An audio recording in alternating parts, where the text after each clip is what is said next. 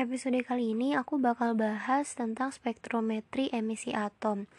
Nah, kalau misalnya spektrometri serapan atom kan ada atom yang terbentuk dari proses atomisasi ya, lalu atom netral jadi uh, tereksitasi dari gas akan menyerap sinar radio uh, radio elektromagnetik yang uh, radiasi elektromagnetik yang diemisikan oleh sumber sinar. Jadi uh, sumber sinarnya adalah lampu katoda berongga.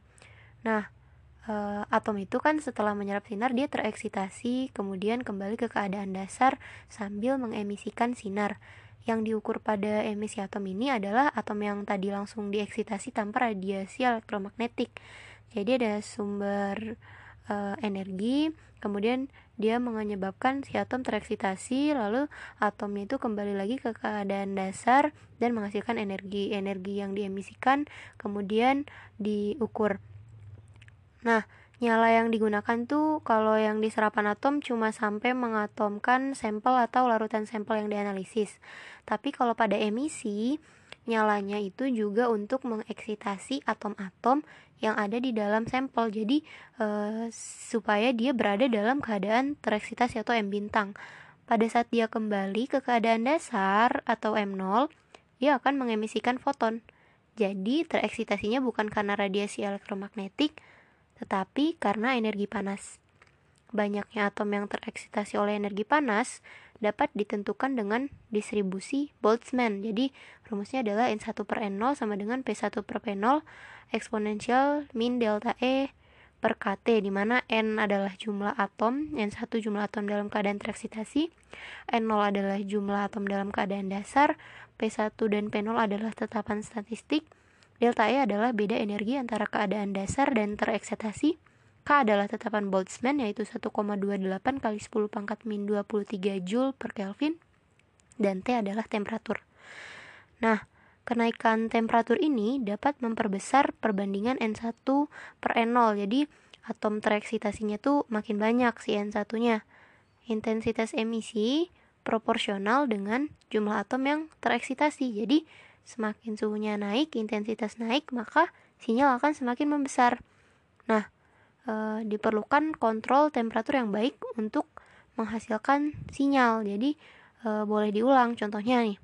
Untuk logam Na kenaikannya itu e, 100 dari 250 ke eh kenaikannya 10 dari 2500 ke 2510. Jadi menyebabkan e, perubahan N1 per N0-nya sebesar 4%.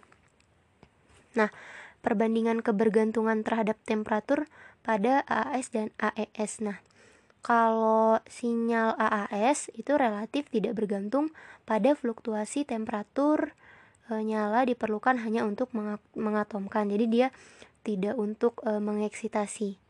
AAS memerlukan atom dalam keadaan dasar 99,98%. Sedangkan AES hanya menggunakan sejumlah fraksi kecil atom tereksitasi. Nah, kalau misalnya T dinaikkan yang ada di keadaan dasar pada AHS itu masih cukup banyak ya. Jadi perubahan temperatur itu tidak signifikan terhadap jumlah atom pada keadaan dasar. Nah, e, dia akan signifikan pada jumlah atom pada keadaan tereksitasi. Contohnya, misalnya kita punya e, mula-mulanya 100 atom pada T tertentu atau temperatur tertentu, Jumlah atom pada keadaan dasar 98. Pada keadaan tereksitasi itu 2 gitu. Nah, kemudian suhunya dinaikkan jadi e, dua kali lipatnya. Nah, jadi cukup tinggi deltanya kan ya. Misalnya jumlah tereksitasinya jadi 4. Keadaan dasar jadi 96. Nah, dari 98 ke 96 itu persentasenya itu kecil. Tapi jumlah atom yang tereksitasinya itu kenaikannya 100%.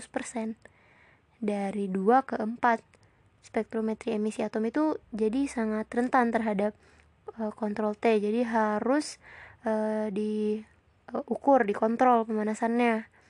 Nah, beberapa sumber pengatoman dan pengeksitasi. Yang pertama ada nyala kimia itu temperaturnya di 1700 sampai 3150. Plasma 4000 sampai 6000 dan arc atau spark 4000 sampai 500 pada emisi atom itu tidak digunakan teknik elektrotermal karena pemanasannya itu terlalu lama.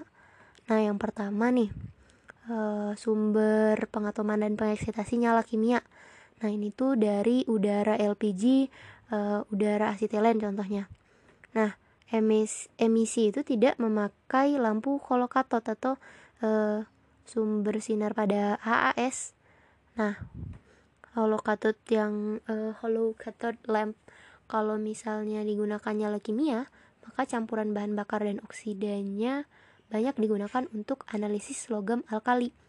Nah, eh, logam ini tuh mudah tereksitasi pada suhu rendah. Untuk natrium dan kalium diperlukan standar dalam agar eh, fluktuasi temperatur bisa dikompensasi atau diperhitungkan dalam analisis kuantitatif. Biasanya yang digunakan itu cesium standar dalamnya.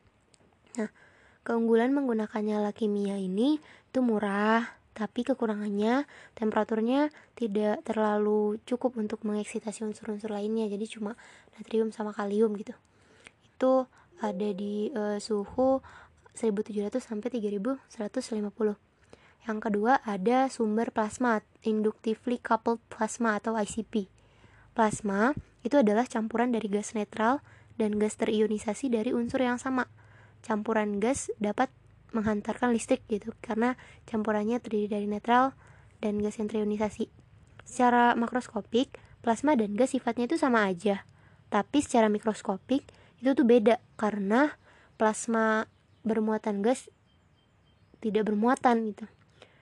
Nah, karena dihasilkan plasma bisa memberi, memberikan e, temperatur yang jauh lebih tinggi daripada nyala. Kelebihan lain uh, teknik ini tuh bisa menganalisis beberapa unsur secara simultan. Jadi 40 sampai 50 unsur per 5 menit. Akurasinya juga baik 0,3 sampai 3%. Dynamic range-nya luas itu. Jadi kelinearil kelinearitasan kurva kalibrasinya itu linear walaupun konsentrasinya itu rendah gitu sampai ke tinggi juga tetap linear gitu. Uh, apakah ada gangguan dalam analisis gitu? Karena pada temperatur tinggi maka gangguan dari refraktor tuh nggak bisa ditemukan karena refraktor itu senyawa yang tidak mudah terdisosiasi dalam nyala. Nah, kalau T yang dipakai tuh cukup cukup tinggi, maka walaupun ada refraktornya, senyawanya tuh bisa terurai karena temperaturnya itu cukup tinggi ya. Gangguan ionisasi karena M0 yang terbentuk lalu tereksitasi tetapi berlanjut menjadi ion M+ pun bisa terjadi kalau suhu sangat tinggi karena uh, butuh energi yang sangat besar buat ionisasi. Dalam plasma, T-nya cukup tinggi, uh, tapi tidak ada gangguan ionisasi karena plasma itu sistem yang kaya akan elektron. Nah, kalaupun ada ionisasi, uh, maka proses ionisasi itu akan ditekan ke arah pembentukan M0 yang akan tereksitasi gitu. Kalau misalnya gangguan spektral, nah spektral itu kan berarti akibat timpang, tumpang tindih akibat garis-garis emisi pada panjang gelombang pengukuran jadinya pengukuran intensitas emisi unsur satu terganggu oleh unsur lain kan. Kalau gangguan spektral pada ICP itu terlihat lebih banyak dibandingkan nyala karena temperaturnya cukup tinggi ya. Maka kemungkinan tereksitasi dari analit itu sangat besar garis emisi yang dihasilkan juga akan sangat kompleks jadi kemungkinan tumpang tindih itu hmm, sangat besar Nah, jadi yang ada di plasma itu gangguan spektralnya yang banyak ya. Kalau monokromatornya baik, eh, resolusi atau pemilihan panjang gelombang sangat akurat, nih gangguan spektralnya itu dapat diminimalisir. Nah, untuk konstruksi alat sederhana, biasanya kan kalau digunain tuh argon plasma ya. Argon plasma, terus habis itu spektrofotometer, terus dikuantisasi itu konstruksinya. Simplified Solematic Diagram of ICPOS Spectrometer System. Untuk argon plasma kan ada AR dan AR plus ya. Proses atomisasi dan eksitasi terjadi dalam plasma nih. Kemudian, sinar yang diemisikan akan masuk ke dalam monokromator dan detektor. Kemudian, detektornya akan e, dari detektor kita akan dapatkan kurva kalibrasi. Torch plasma itu ada tiga silinder. Sampel masuk dalam bentuk aerosol dari silinder paling dalam menuju plasma dan dua silinder lagi buat pemasukan argon. Yang satu argon buat pembentukan plasma, yang satu argonnya lagi untuk shielding atau perisai. Perisai itu e, plasma yang digunakan tuh suhunya cukup tinggi ya sementara torch dibuat dari kuarsa atau silika pada yang cukup tinggi nih. Kalau misalnya plasmanya nempel ke permukaan silika maka silikanya akan meleleh sehingga diperlukan air supaya plasmanya ditiup dan tidak menyentuh kuarsa silik kuarsa atau silika. Jadi e, argonnya itu ditembaki elektron ya untuk plasma argon sehingga argonnya akan menjadi AR plus tambah dua elektron Artinya semakin lama berulang reaksi tersebut, jumlah elektron akan semakin banyak. Maka prosesnya terjadi secara kontinu. Karena semakin banyak elektron, semakin banyak AR yang diubah menjadi AR+. Oleh sebab itu, karena elektron semakin banyak, maka plasma itu kaya akan elektron. Karena kaya akan elektron, maka gangguan ionisasi itu hmm, dapat dikurangi. Selain AR dapat menjadi AR+, bisa juga AR tereksitasi karena ada energi kalor menjadi AR bintang. Bahkan AR plus pun mm, bisa menjadi AR bintang plus. Kalau biasanya ada elektron yang tereksitasi ke tingkat yang lebih tinggi, maka dengan segera ia akan kembali ke keadaan dasar sambil melepasin energi. Tapi kalau dalam sistem plasma, setelah tereksitasi dia tidak turun langsung ke keadaan dasar tapi pindah dulu ke satu keadaan tereksitasi yang disebut keadaan AR metastabil. Uh, ada suatu tingkat energi virtual di mana ia tidak kembali ke keadaan dasarnya nih, tapi ke tingkat energi metastabil tersebut. Jadi keadaannya tuh mm, metastabil. Jadi di mana AR punya waktu hidup lebih lama dibandingkan AR bintang. Jadi dalam sistem cepat AR tuh bin, air bintang tuh langsung turun ke AR metastabil. Akibat dalam plasma yang bisa juga e, mengeksitasi bukan hanya energi kalor, tapi juga bisa terjadi proses eksitasi yang diakibatkan oleh interaksi AR metastabil dengan atom-atom analit sehingga AR metastabilnya akan turun ke AR dan atom analitnya akan tereksitasi torch kelihatannya berwarna karena ada air bintang. Jadi saat kembali ke keadaan dasar, dia dilepas sebagai energi cahaya. Jadi terlihat seperti e, berwarna ya, panjang gelombang yang diemisikan itu e, ada pada daerah sinar UV. Atom yang tereksitasi karena air metastabil kemudian turun lagi ke keadaan dasar sambil melepaskan radiasi elektromagnetik yang bisa diukur intensitasnya. Berapa banyak atom yang tereksitasi itu proporsional dengan jumlah atom dalam sampel uh, atau konsentrasi unsur dalam sampelnya. Nah, untuk uh, jadi kalau misalnya di proses pembentukan plasmanya itu ada sebuah silinder yang mana silinder paling dalamnya itu ada tempat aerosol yang uh, aerosol sampel yang dibawa menuju plasma. Nah, terus silinder bag dalam yang dialiri dengan air itu digunakan untuk membentuk plasma. Kemudian argon di luar itu digunakan untuk shielding argon. Jadi dia tuh mengangkat plasma ke atas agar tidak bersentuhan dengan permukaan silinder. Ketiga silinder itu diberi kumparan atau selenoid yang dialiri dengan frekuensi radio atau e, frekuensi tinggi lainnya untuk menginduksi pembentukan plasma. Proses penginduksiannya nih, awalnya kan air dialirkan ke dalam. Kalau diinduksi oleh suatu e, frekuensi tinggi, maka di daerah atas akan timbul medan magnet medan magnetnya ini ke arah luar kalau pada gambar tuh uh, ditunjukkan pakai jempol gitu. Setelah berbentuk medan magnet dipicu oleh elektron yang dimasukkan ke dalam gobin Tesla.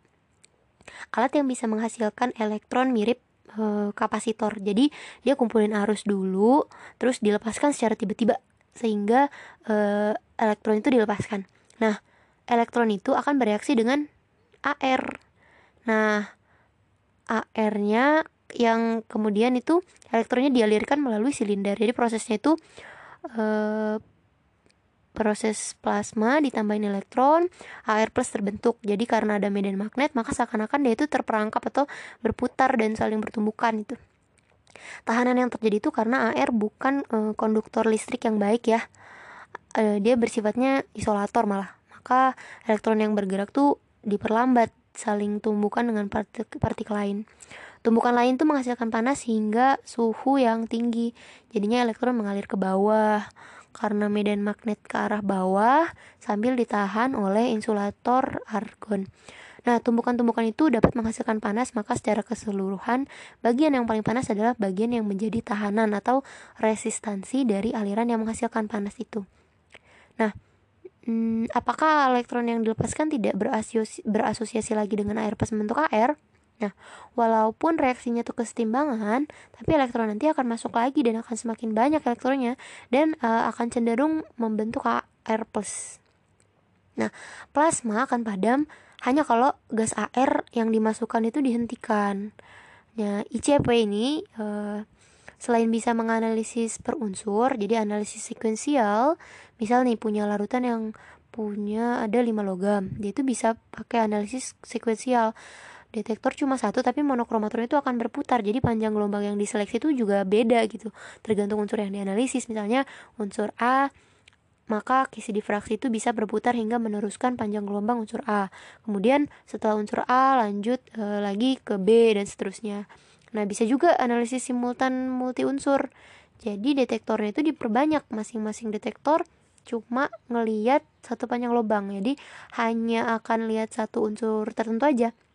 Kelemahannya nih kalau punya unsur lain yang det detektornya belum disetting jadi harus disetting ulang peralatannya. Nah analisis ini tidak mungkin dilakukan di AS di AS itu hanya bisa uh, sekuensial kalau di ICP gangguan ionisasi dia dapat diperkecil ya karena sistem plasma adalah sistem yang kayak akan elektron ya jadi uh, dia menekan proses ionisasi.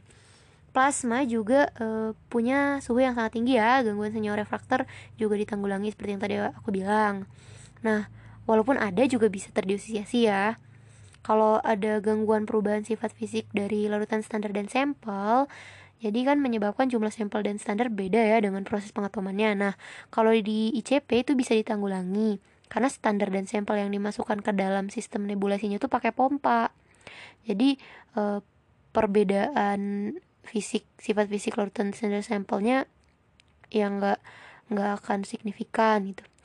Yang uh, kekurangannya atau resikonya itu ya gangguan spektral ya karena T-nya cukup tinggi, spektrum emisi pada unsur semakin kompleks, overlap garis emisi semakin tinggi, maka terjadi gangguan spektral. Proses emisi itu berarti e, jumlah atom yang tereksitasi dibanding jumlah atom keadaan dasar sangat bergantung pada suhunya. Nah, kesalahan pengukuran akibat fluktuasi peralatan juga dapat diperbaiki dengan menggunakan metode standar dalam. Larutan sampel ditambah sejumlah tertentu nih. Terus larutan standar unsur lainnya eh, yang ter tidak terdapat dalam sampel. Nah, untuk metode standar dalam eh, larutan sampel atau standarnya ditambahkan larutan ditambahkan larutan standar unsur lain dengan volume dan e, konsentrasi yang sama nanti kita dapat intensitas emisi untuk masing-masing larutan yang diukur pada dua panjang gelombang. Jadi dari panjang gelombang analit terus panjang gelombang standar unsur lain itu sebagai standar dalam. Nanti kalau misalnya kita punya uh, udah pakai standar dalam berarti ada lima larutan ya. Ada satu sampel empat standar nanti akan dapat 10 pengukuran intensitas emisi. Jadi ada lima pada panjang gelombang analit 5 pada panjang gelombang internal standar atau standar dalam.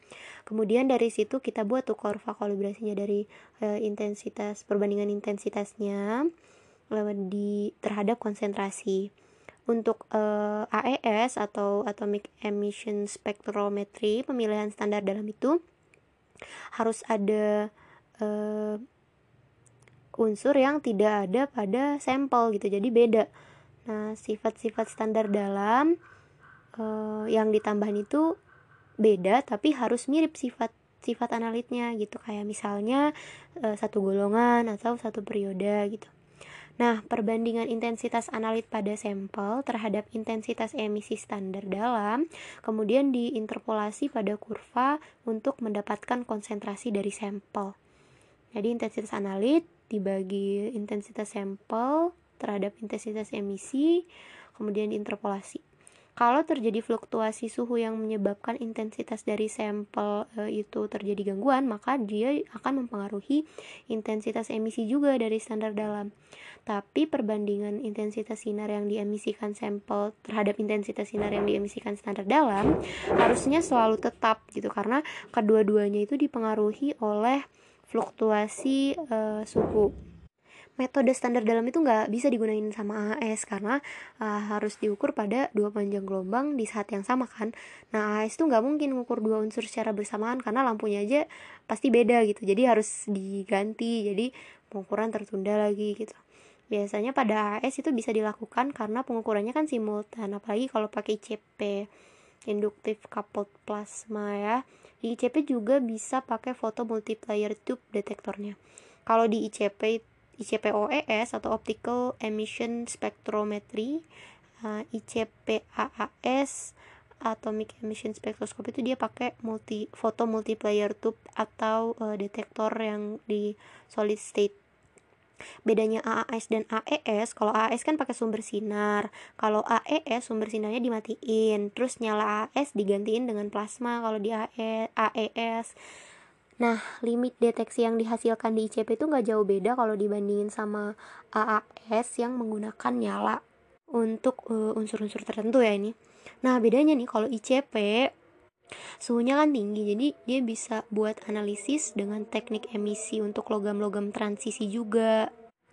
Nah, detektornya ini juga bisa diganti sama yang lain. Nah, ini ada spektrometer massa ya. Sampel-sampel karena kan suhu kalau di plasma tinggi ya maka eh, apa pun yang dimasukin ke sana itu sebagai aerosol akan diuraikan menjadi atom-atomnya. Jadi terbentuk atom yang memiliki massa atom relatif yang masing-masing atomnya kan beda. Jadi bisa dideteksi uh, oleh spektrometri massa. Nah, mendeteksi uh, massa atau atom dari atau atom atau molekul ini bisa guna di, uh, bisa menggunakan spektrometer massa sebagai detektor. Nah, ini tuh bisa me, melakukan analisis sampai tingkat konsentrasi PPT jadi part per trillion Nah, bisa juga dilihat dengan membandingkan isotop suatu unsur.